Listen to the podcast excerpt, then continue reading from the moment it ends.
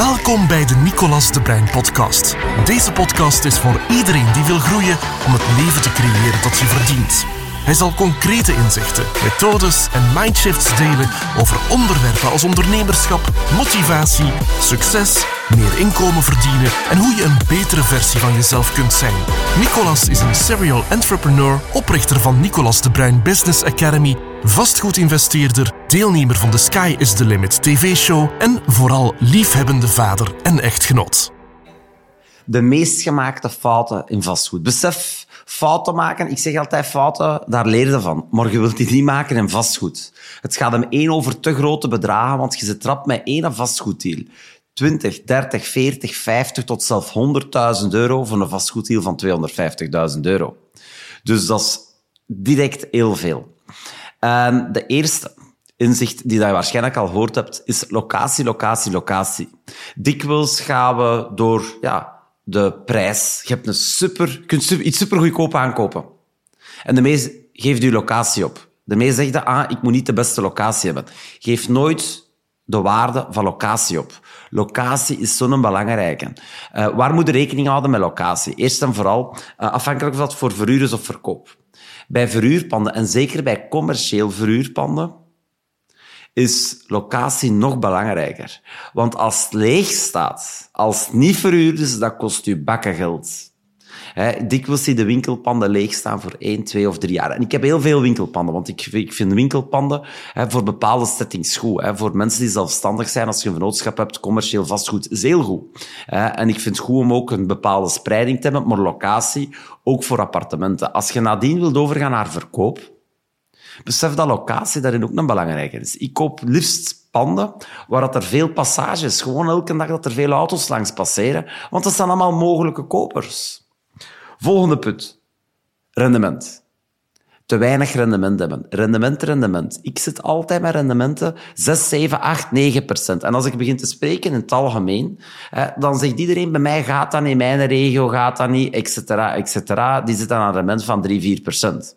Er zijn wel bepaalde facetten dat je rekening moet mee houden om dat rendement te halen, maar ik vind dat rendement een hele belangrijke. Want waarom is dat rendement zo belangrijk voor mij? Ik ben echt een vermogen aan het opbouwen op basis van vastgoed. Hè, um, een passief inkomensstroom aan het opbouwen. Maar daarmee heb je ook ja, geld nodig. En geld, hè, de gemakkelijkste manier om geld op te halen is bij de bank. Punt. Hè, daar is het gemakkelijkste. Of familie. Soms, dat, is bij mij, ik heb, dat heb ik niet gedaan, maar bij de bank, dat is waar ik het meeste mee werk. En dat is dikwijls ook het goedkoopste geld. Tenzij dat je van de familie iets kunt lenen of krijgen. Dat is natuurlijk nog goedkoper. Maar in ieder geval, rendement is een hele belangrijke. En als je aan de bank per maand een bedrag moet afbetalen en je huur is lager, dus de huurinkomsten zijn lager wat je aan de bank moet betalen, dan moet je elke maand een stukje toesteken. Eén, dat is niet fijn. En twee, ja, je wilt cash on cash. Je wilt op laatste geld over hebben. Zorg dat je nooit, hè, zelf al lijkt het onmogelijk, want dat is dikwijls wat ik hoor, zorg dat je nooit geld moet toeleggen bij verhuur. Zodat je nooit geld moet toeleggen. En dat is gewoon een belangrijke. En door een goede locatie te hebben, heb je gewoon minder leegstand en kun je gemakkelijker ook meer huurders aantrekken. Ook voor appartementen of voor woningen. Dan kun je kiezen en zorg dat je goed kiest. Ik heb over laatst echt miserie gehad met een huurder. Je kunt je niet voorstellen, maar echt miserie had met een huurder. En hoe komt dat dat ik dat voor had heb? Omdat ik zelf die huurder niet gezocht had. De verkopende partij op het moment van de compromis van de aankoop had de verkopende partij die persoon aangereikt. En die kende die niet, die had hij zelf op internet gevonden, maar anders zou ik dat nooit niet, ja, nooit niet, niet, niet voor gehad hebben. Uh, je moet een check, een check doen voor te kijken, ah, je huurder heeft hij werk, wat doet hij allemaal? Doe een bepaald onderzoek en kijk ja, of dat een goede huurder is. Nog belangrijker, hetzelfde als een aanwerving, check eens bij waar ze vroeger gehuurd hebben. Hadden ze daar problemen, dan is de kans groot dat hij volgende keer de persoon zet waarmee ze problemen zullen hebben als je hun verhuurt. Dus locatie en te weinig rendement. Werk naar rendementen van minimum 6%. Ook bij woningen. Zelfs lijkt het onmogelijk, ook bij woningen. Ga zoeken, zoeken, zoeken als je ze vindt. Denk op voorhand na, en dat heb ik al aangereikt. Uw exit-strategie. Hoe gaat het opnieuw verkopen? Zal wel eens dat je het koopt voor een passief inkomen op te bouwen. Of dat je koopt om te flippen, na één of twee jaar opnieuw te verkopen, na een verbouwing. Of gewoon dikwijls, wat ik zelf al veel gedaan heb. want uh, ik zeg altijd tijdens mijn events, tijdens, in onze Business Academy, zeg ik altijd, ah, wie wil er graag veel geld verdienen op weinig tijd? En dat is, de, dat is een belangrijke. Want ik zie heel veel mensen investeren in vastgoed, ze willen alles verbouwen. Ze zeggen, ah, ik ga kleine werkjes doen, ik ga een klein beetje een gyprok afbreken. Maar op laatste van de rit begint het te breken, te breken, te breken en je moet alles ernieuw doen. De meest gemaakte fout trouwens bij mensen die in de bouw zitten, omdat ze denken dat ze alles zelf kunnen. Ik zelf, ik, heb, ik had over laatst uh, iemand in ons traject zitten die, die elektrieker was. En ja, die persoon, die zegt, ah, ik ga het zelf verbouwen. Ik zeg, doe dat niet, doe dat niet, doe dat niet. Ik zeg, verf het gewoon en ja, verhuur het gewoon wat goedkoper. Nee, nee, ik ga beginnen met verbouwen. Ik ga niet veel doen, maar toch een klein beetje. Eén, de twee jaar waren zo voorbij, in de plaats van na drie maanden opnieuw in de markt te zetten even twee jaar geduurd. Het was zelfs iets langer. Dus die een tijd zij ook verloren. Want anders kun je elke drie maanden een project doen, in de plaats van elke twee jaar. Dat is een verschil van acht keer. Want dan kun je acht keer meer project doen, want tijd is ook een belangrijke. En het tweede is dat het op het laatste ja, bijna niks over had. Want het was de bedoeling eerst om te verhuren. Hij heeft dan geflipt en ja, heeft er heel veel tijd en energie in gestoken. En hij had ook die tijd niet. Dus je zegt, hey, ik heb veel tijd, dan kun je erover nadenken. Kun je uitzoeken, wat is het goedkoopste? Kun je op duizend plekken gaan kijken. Ik deed dat vroeger ook, maar vandaag doe ik dat niet meer. Gewoon, dat kost heel veel tijd. En je exit goed voorbereiden, hoe dat je het gaat verkopen op lange termijn. Ook als je zegt van, ik wil het in eerste instantie verhuren. Hè, als je het gaat verkopen, besef trouwens, als iets lang te koop al staat, en jij koopt het om snel te verkopen, is de kans ook groot dat bij u nadien lang te koop staat. Wat op zich niet altijd erg is, maar besef dat. Volgende, mega belangrijk. Mega veel onderzoek doen. Je moet onderzoek, onderzoek, onderzoek doen. Als ik een pand koop, en zeker in het begin deed ik dat nog meer, ja, gewoon een keer bij de buren gaan bellen. Hij zeg, ik zie, ik ben geïnteresseerd om eventueel het pand aan te kopen. Is er nog iets extra dat je zegt van, ah, want misschien zijn we dan binnenkort buren. Ja, is er nog iets extra, ik moet rekening mee houden. En alle buren liefst. Hè. En ga, ga er gewoon op af, je moet ervoor geen bang hebben. Gewoon dat je weet hoe het pand, de historie er is. Voor hetzelfde geld is dat pand al tien keer verkocht geweest, omdat er altijd miserie van was, omdat er geen vergunning was, of, of, of dat er bepaalde zaken niet in orde waren. dus zorg dat, ja, dat je onderzoek doet. Onderzoek zowel over het pand zelf als de omgeving. ga een kijken op sites bijvoorbeeld een IMOWeb, hè, uh, dat in Vlaanderen heel veel gebruikt wordt, ja, hoeveel worden de panden verkocht gemiddeld? Hoeveel worden de panden verhuurd gemiddeld? Hè, gewoon dat je weet, wat is de markt? Hoe is het daar? Daarom dat ik trouwens kies, het grootste deel van mijn portfolio, ik denk meer dan 25 miljoen euro, is op wandelafstand. Kan ik te voet naartoe stappen? Ook voor mij is het verhuur, maar moest ik het verkoop doen, is net hetzelfde. Dicht bij de deur is gewoon super gemakkelijk. En vroeger vond ik de panden niet. Ik dacht dat ze er ook niet waren, dus begon ik heel ver te zoeken hè, om bepaalde rendementen te halen. Maar dat is gewoon, ja, dat is gewoon stom. Want je moet altijd verrijden en dan verlies je opnieuw tijd. Hè, dat is Onderzoek, onderzoek, onderzoek. Zorg dat je de panden kent. Zorg dat je weet, ah, wat zijn de nadelen. He, EPC's, je moet er wat basiskennis over hebben. Over EPC's gesproken trouwens, als je panden gaat aankopen, moet je aan een bepaald energieprecificaat doen. Moet je aan bepaalde energieeisen voldoen. En je hebt daarvoor een bepaalde tijdspanne om dat te overbruggen. Hetzelfde met de elektriciteit. He, voorzie die kosten daar ook van. He, voorzie die kosten daar ook van. En zo zijn er heel veel, asbest. En er komen altijd dingen bij. En laat het u niet angst inpalmen. Want op zich, ja, ik ken dat mensen huur betalen ik zeg maar iets, 500 euro of 600 euro of 700 euro voor een appartement of een woning, een klein appartement of een woning, of handelspanden, 1000, 2000, 3000, 4000, 5000. Ik spreek niet over meer, omdat dat de bedragen zijn dat ik zelf veel verhuur.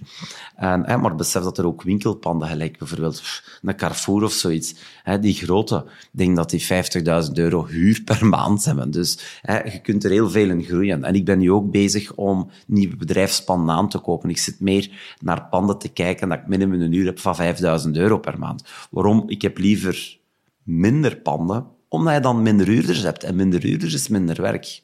En op zich, ik vind dat niet erg, want iedereen heeft altijd bang voor te verhuren. Ik heb daar in het algemeen heel goede ervaring mee gehad. Die ene keer nu juist.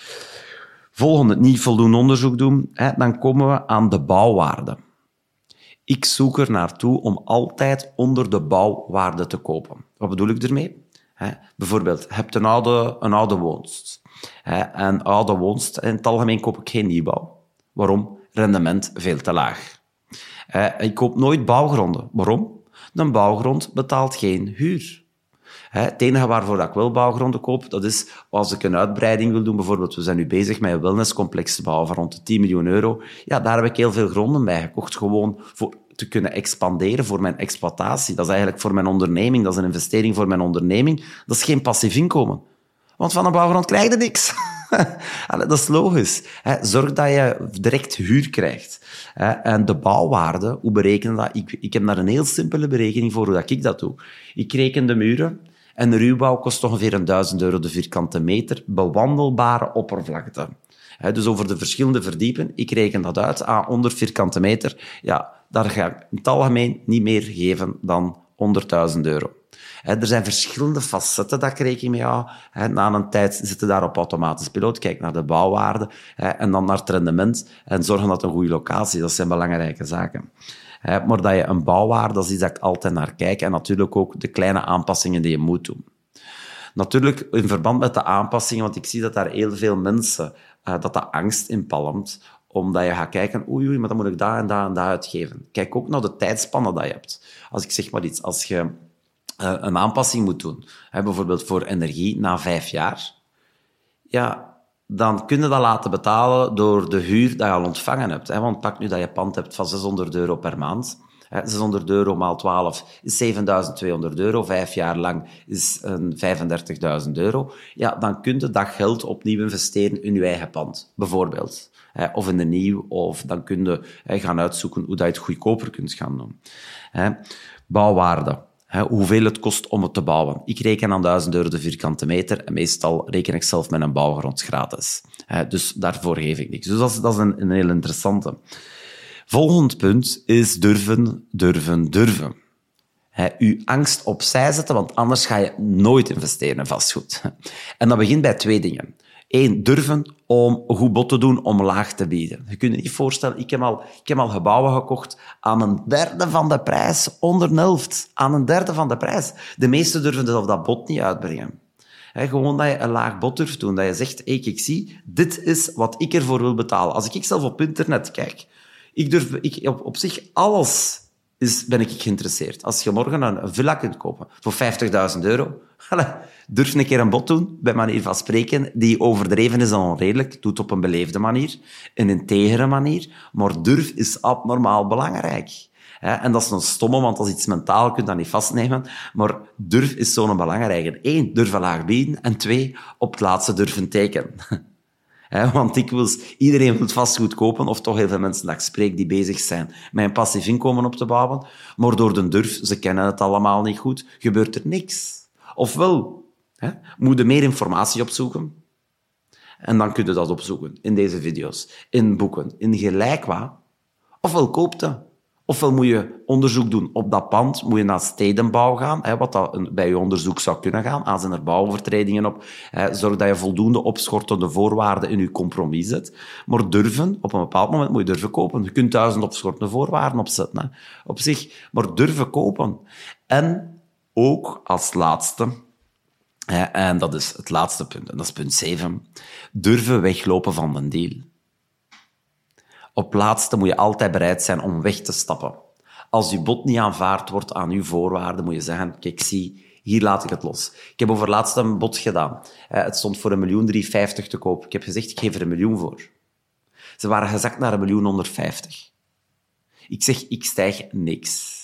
Gewoon, ik stijg niks. Het was een goede deal. Zelfs voor een miljoen 150 was het een goede deal.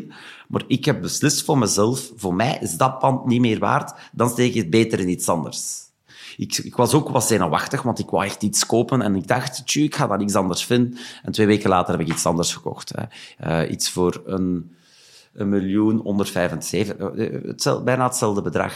Dus op zich ja, gewoon durven wegstappen, durven een bod doen, durven kopen, maar ook opnieuw durven wegstappen. En besef, na de compromis zijn er dikwijls nog onverwachtheden die bovenkomen. Er is iets onverwacht. Ofwel moet dat financieel gecompenseerd worden, als het nu nadeel is natuurlijk. Bijvoorbeeld, je koopt iets.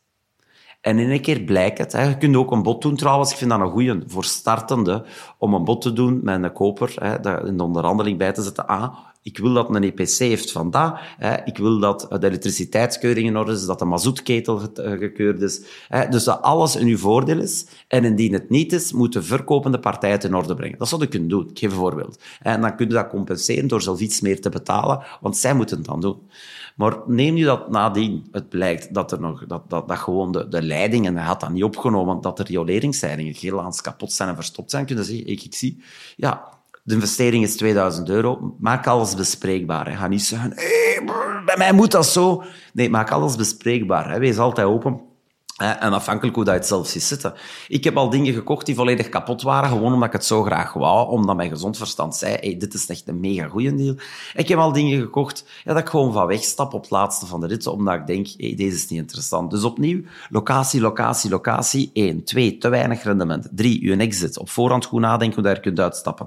4. Voldoende onderzoek doen op alle manieren. Buren, gaan naar de stad. Vraag onderzoek. EPC's, onderzoek. 5. De bouwwaarde. Hoeveel kost het om te bouwen? 6 durven, één, hè, laag bieden en twee, hè, durven effectief um, ja, de aankoop te doen. En als laatste punt, weg durven stappen op elk moment van een deal, bereid zijn op elk moment, oei, er is een wijziging in, in de gemeente of gelijk wat, er is nieuwe informatie, u niet slecht voelen, maak het bespreekbaar en durf wegstappen. Heel veel succes. Als je vragen hebt, hè, zet ze hieronder in de chat. Hè, ik antwoord er heel graag op. Like deze post, share deze post en je kunt mij groot plezier doen. Subscribe op ons channel. En kijk ons ook naar op Instagram, op Facebook. We hebben ook een podcastkanaal. We zitten op YouTube, op alle kanalen. En ik verwelkom u graag tot volgende keer. Dankjewel en tot snel. Bedankt voor het luisteren naar de Nicolas de Bruin podcast. Voor meer informatie, business tips, gratis trainingen en om meer te weten te komen over onze komende evenementen, bezoek www.ndba.be en volg Nicolas op Facebook, YouTube en Instagram.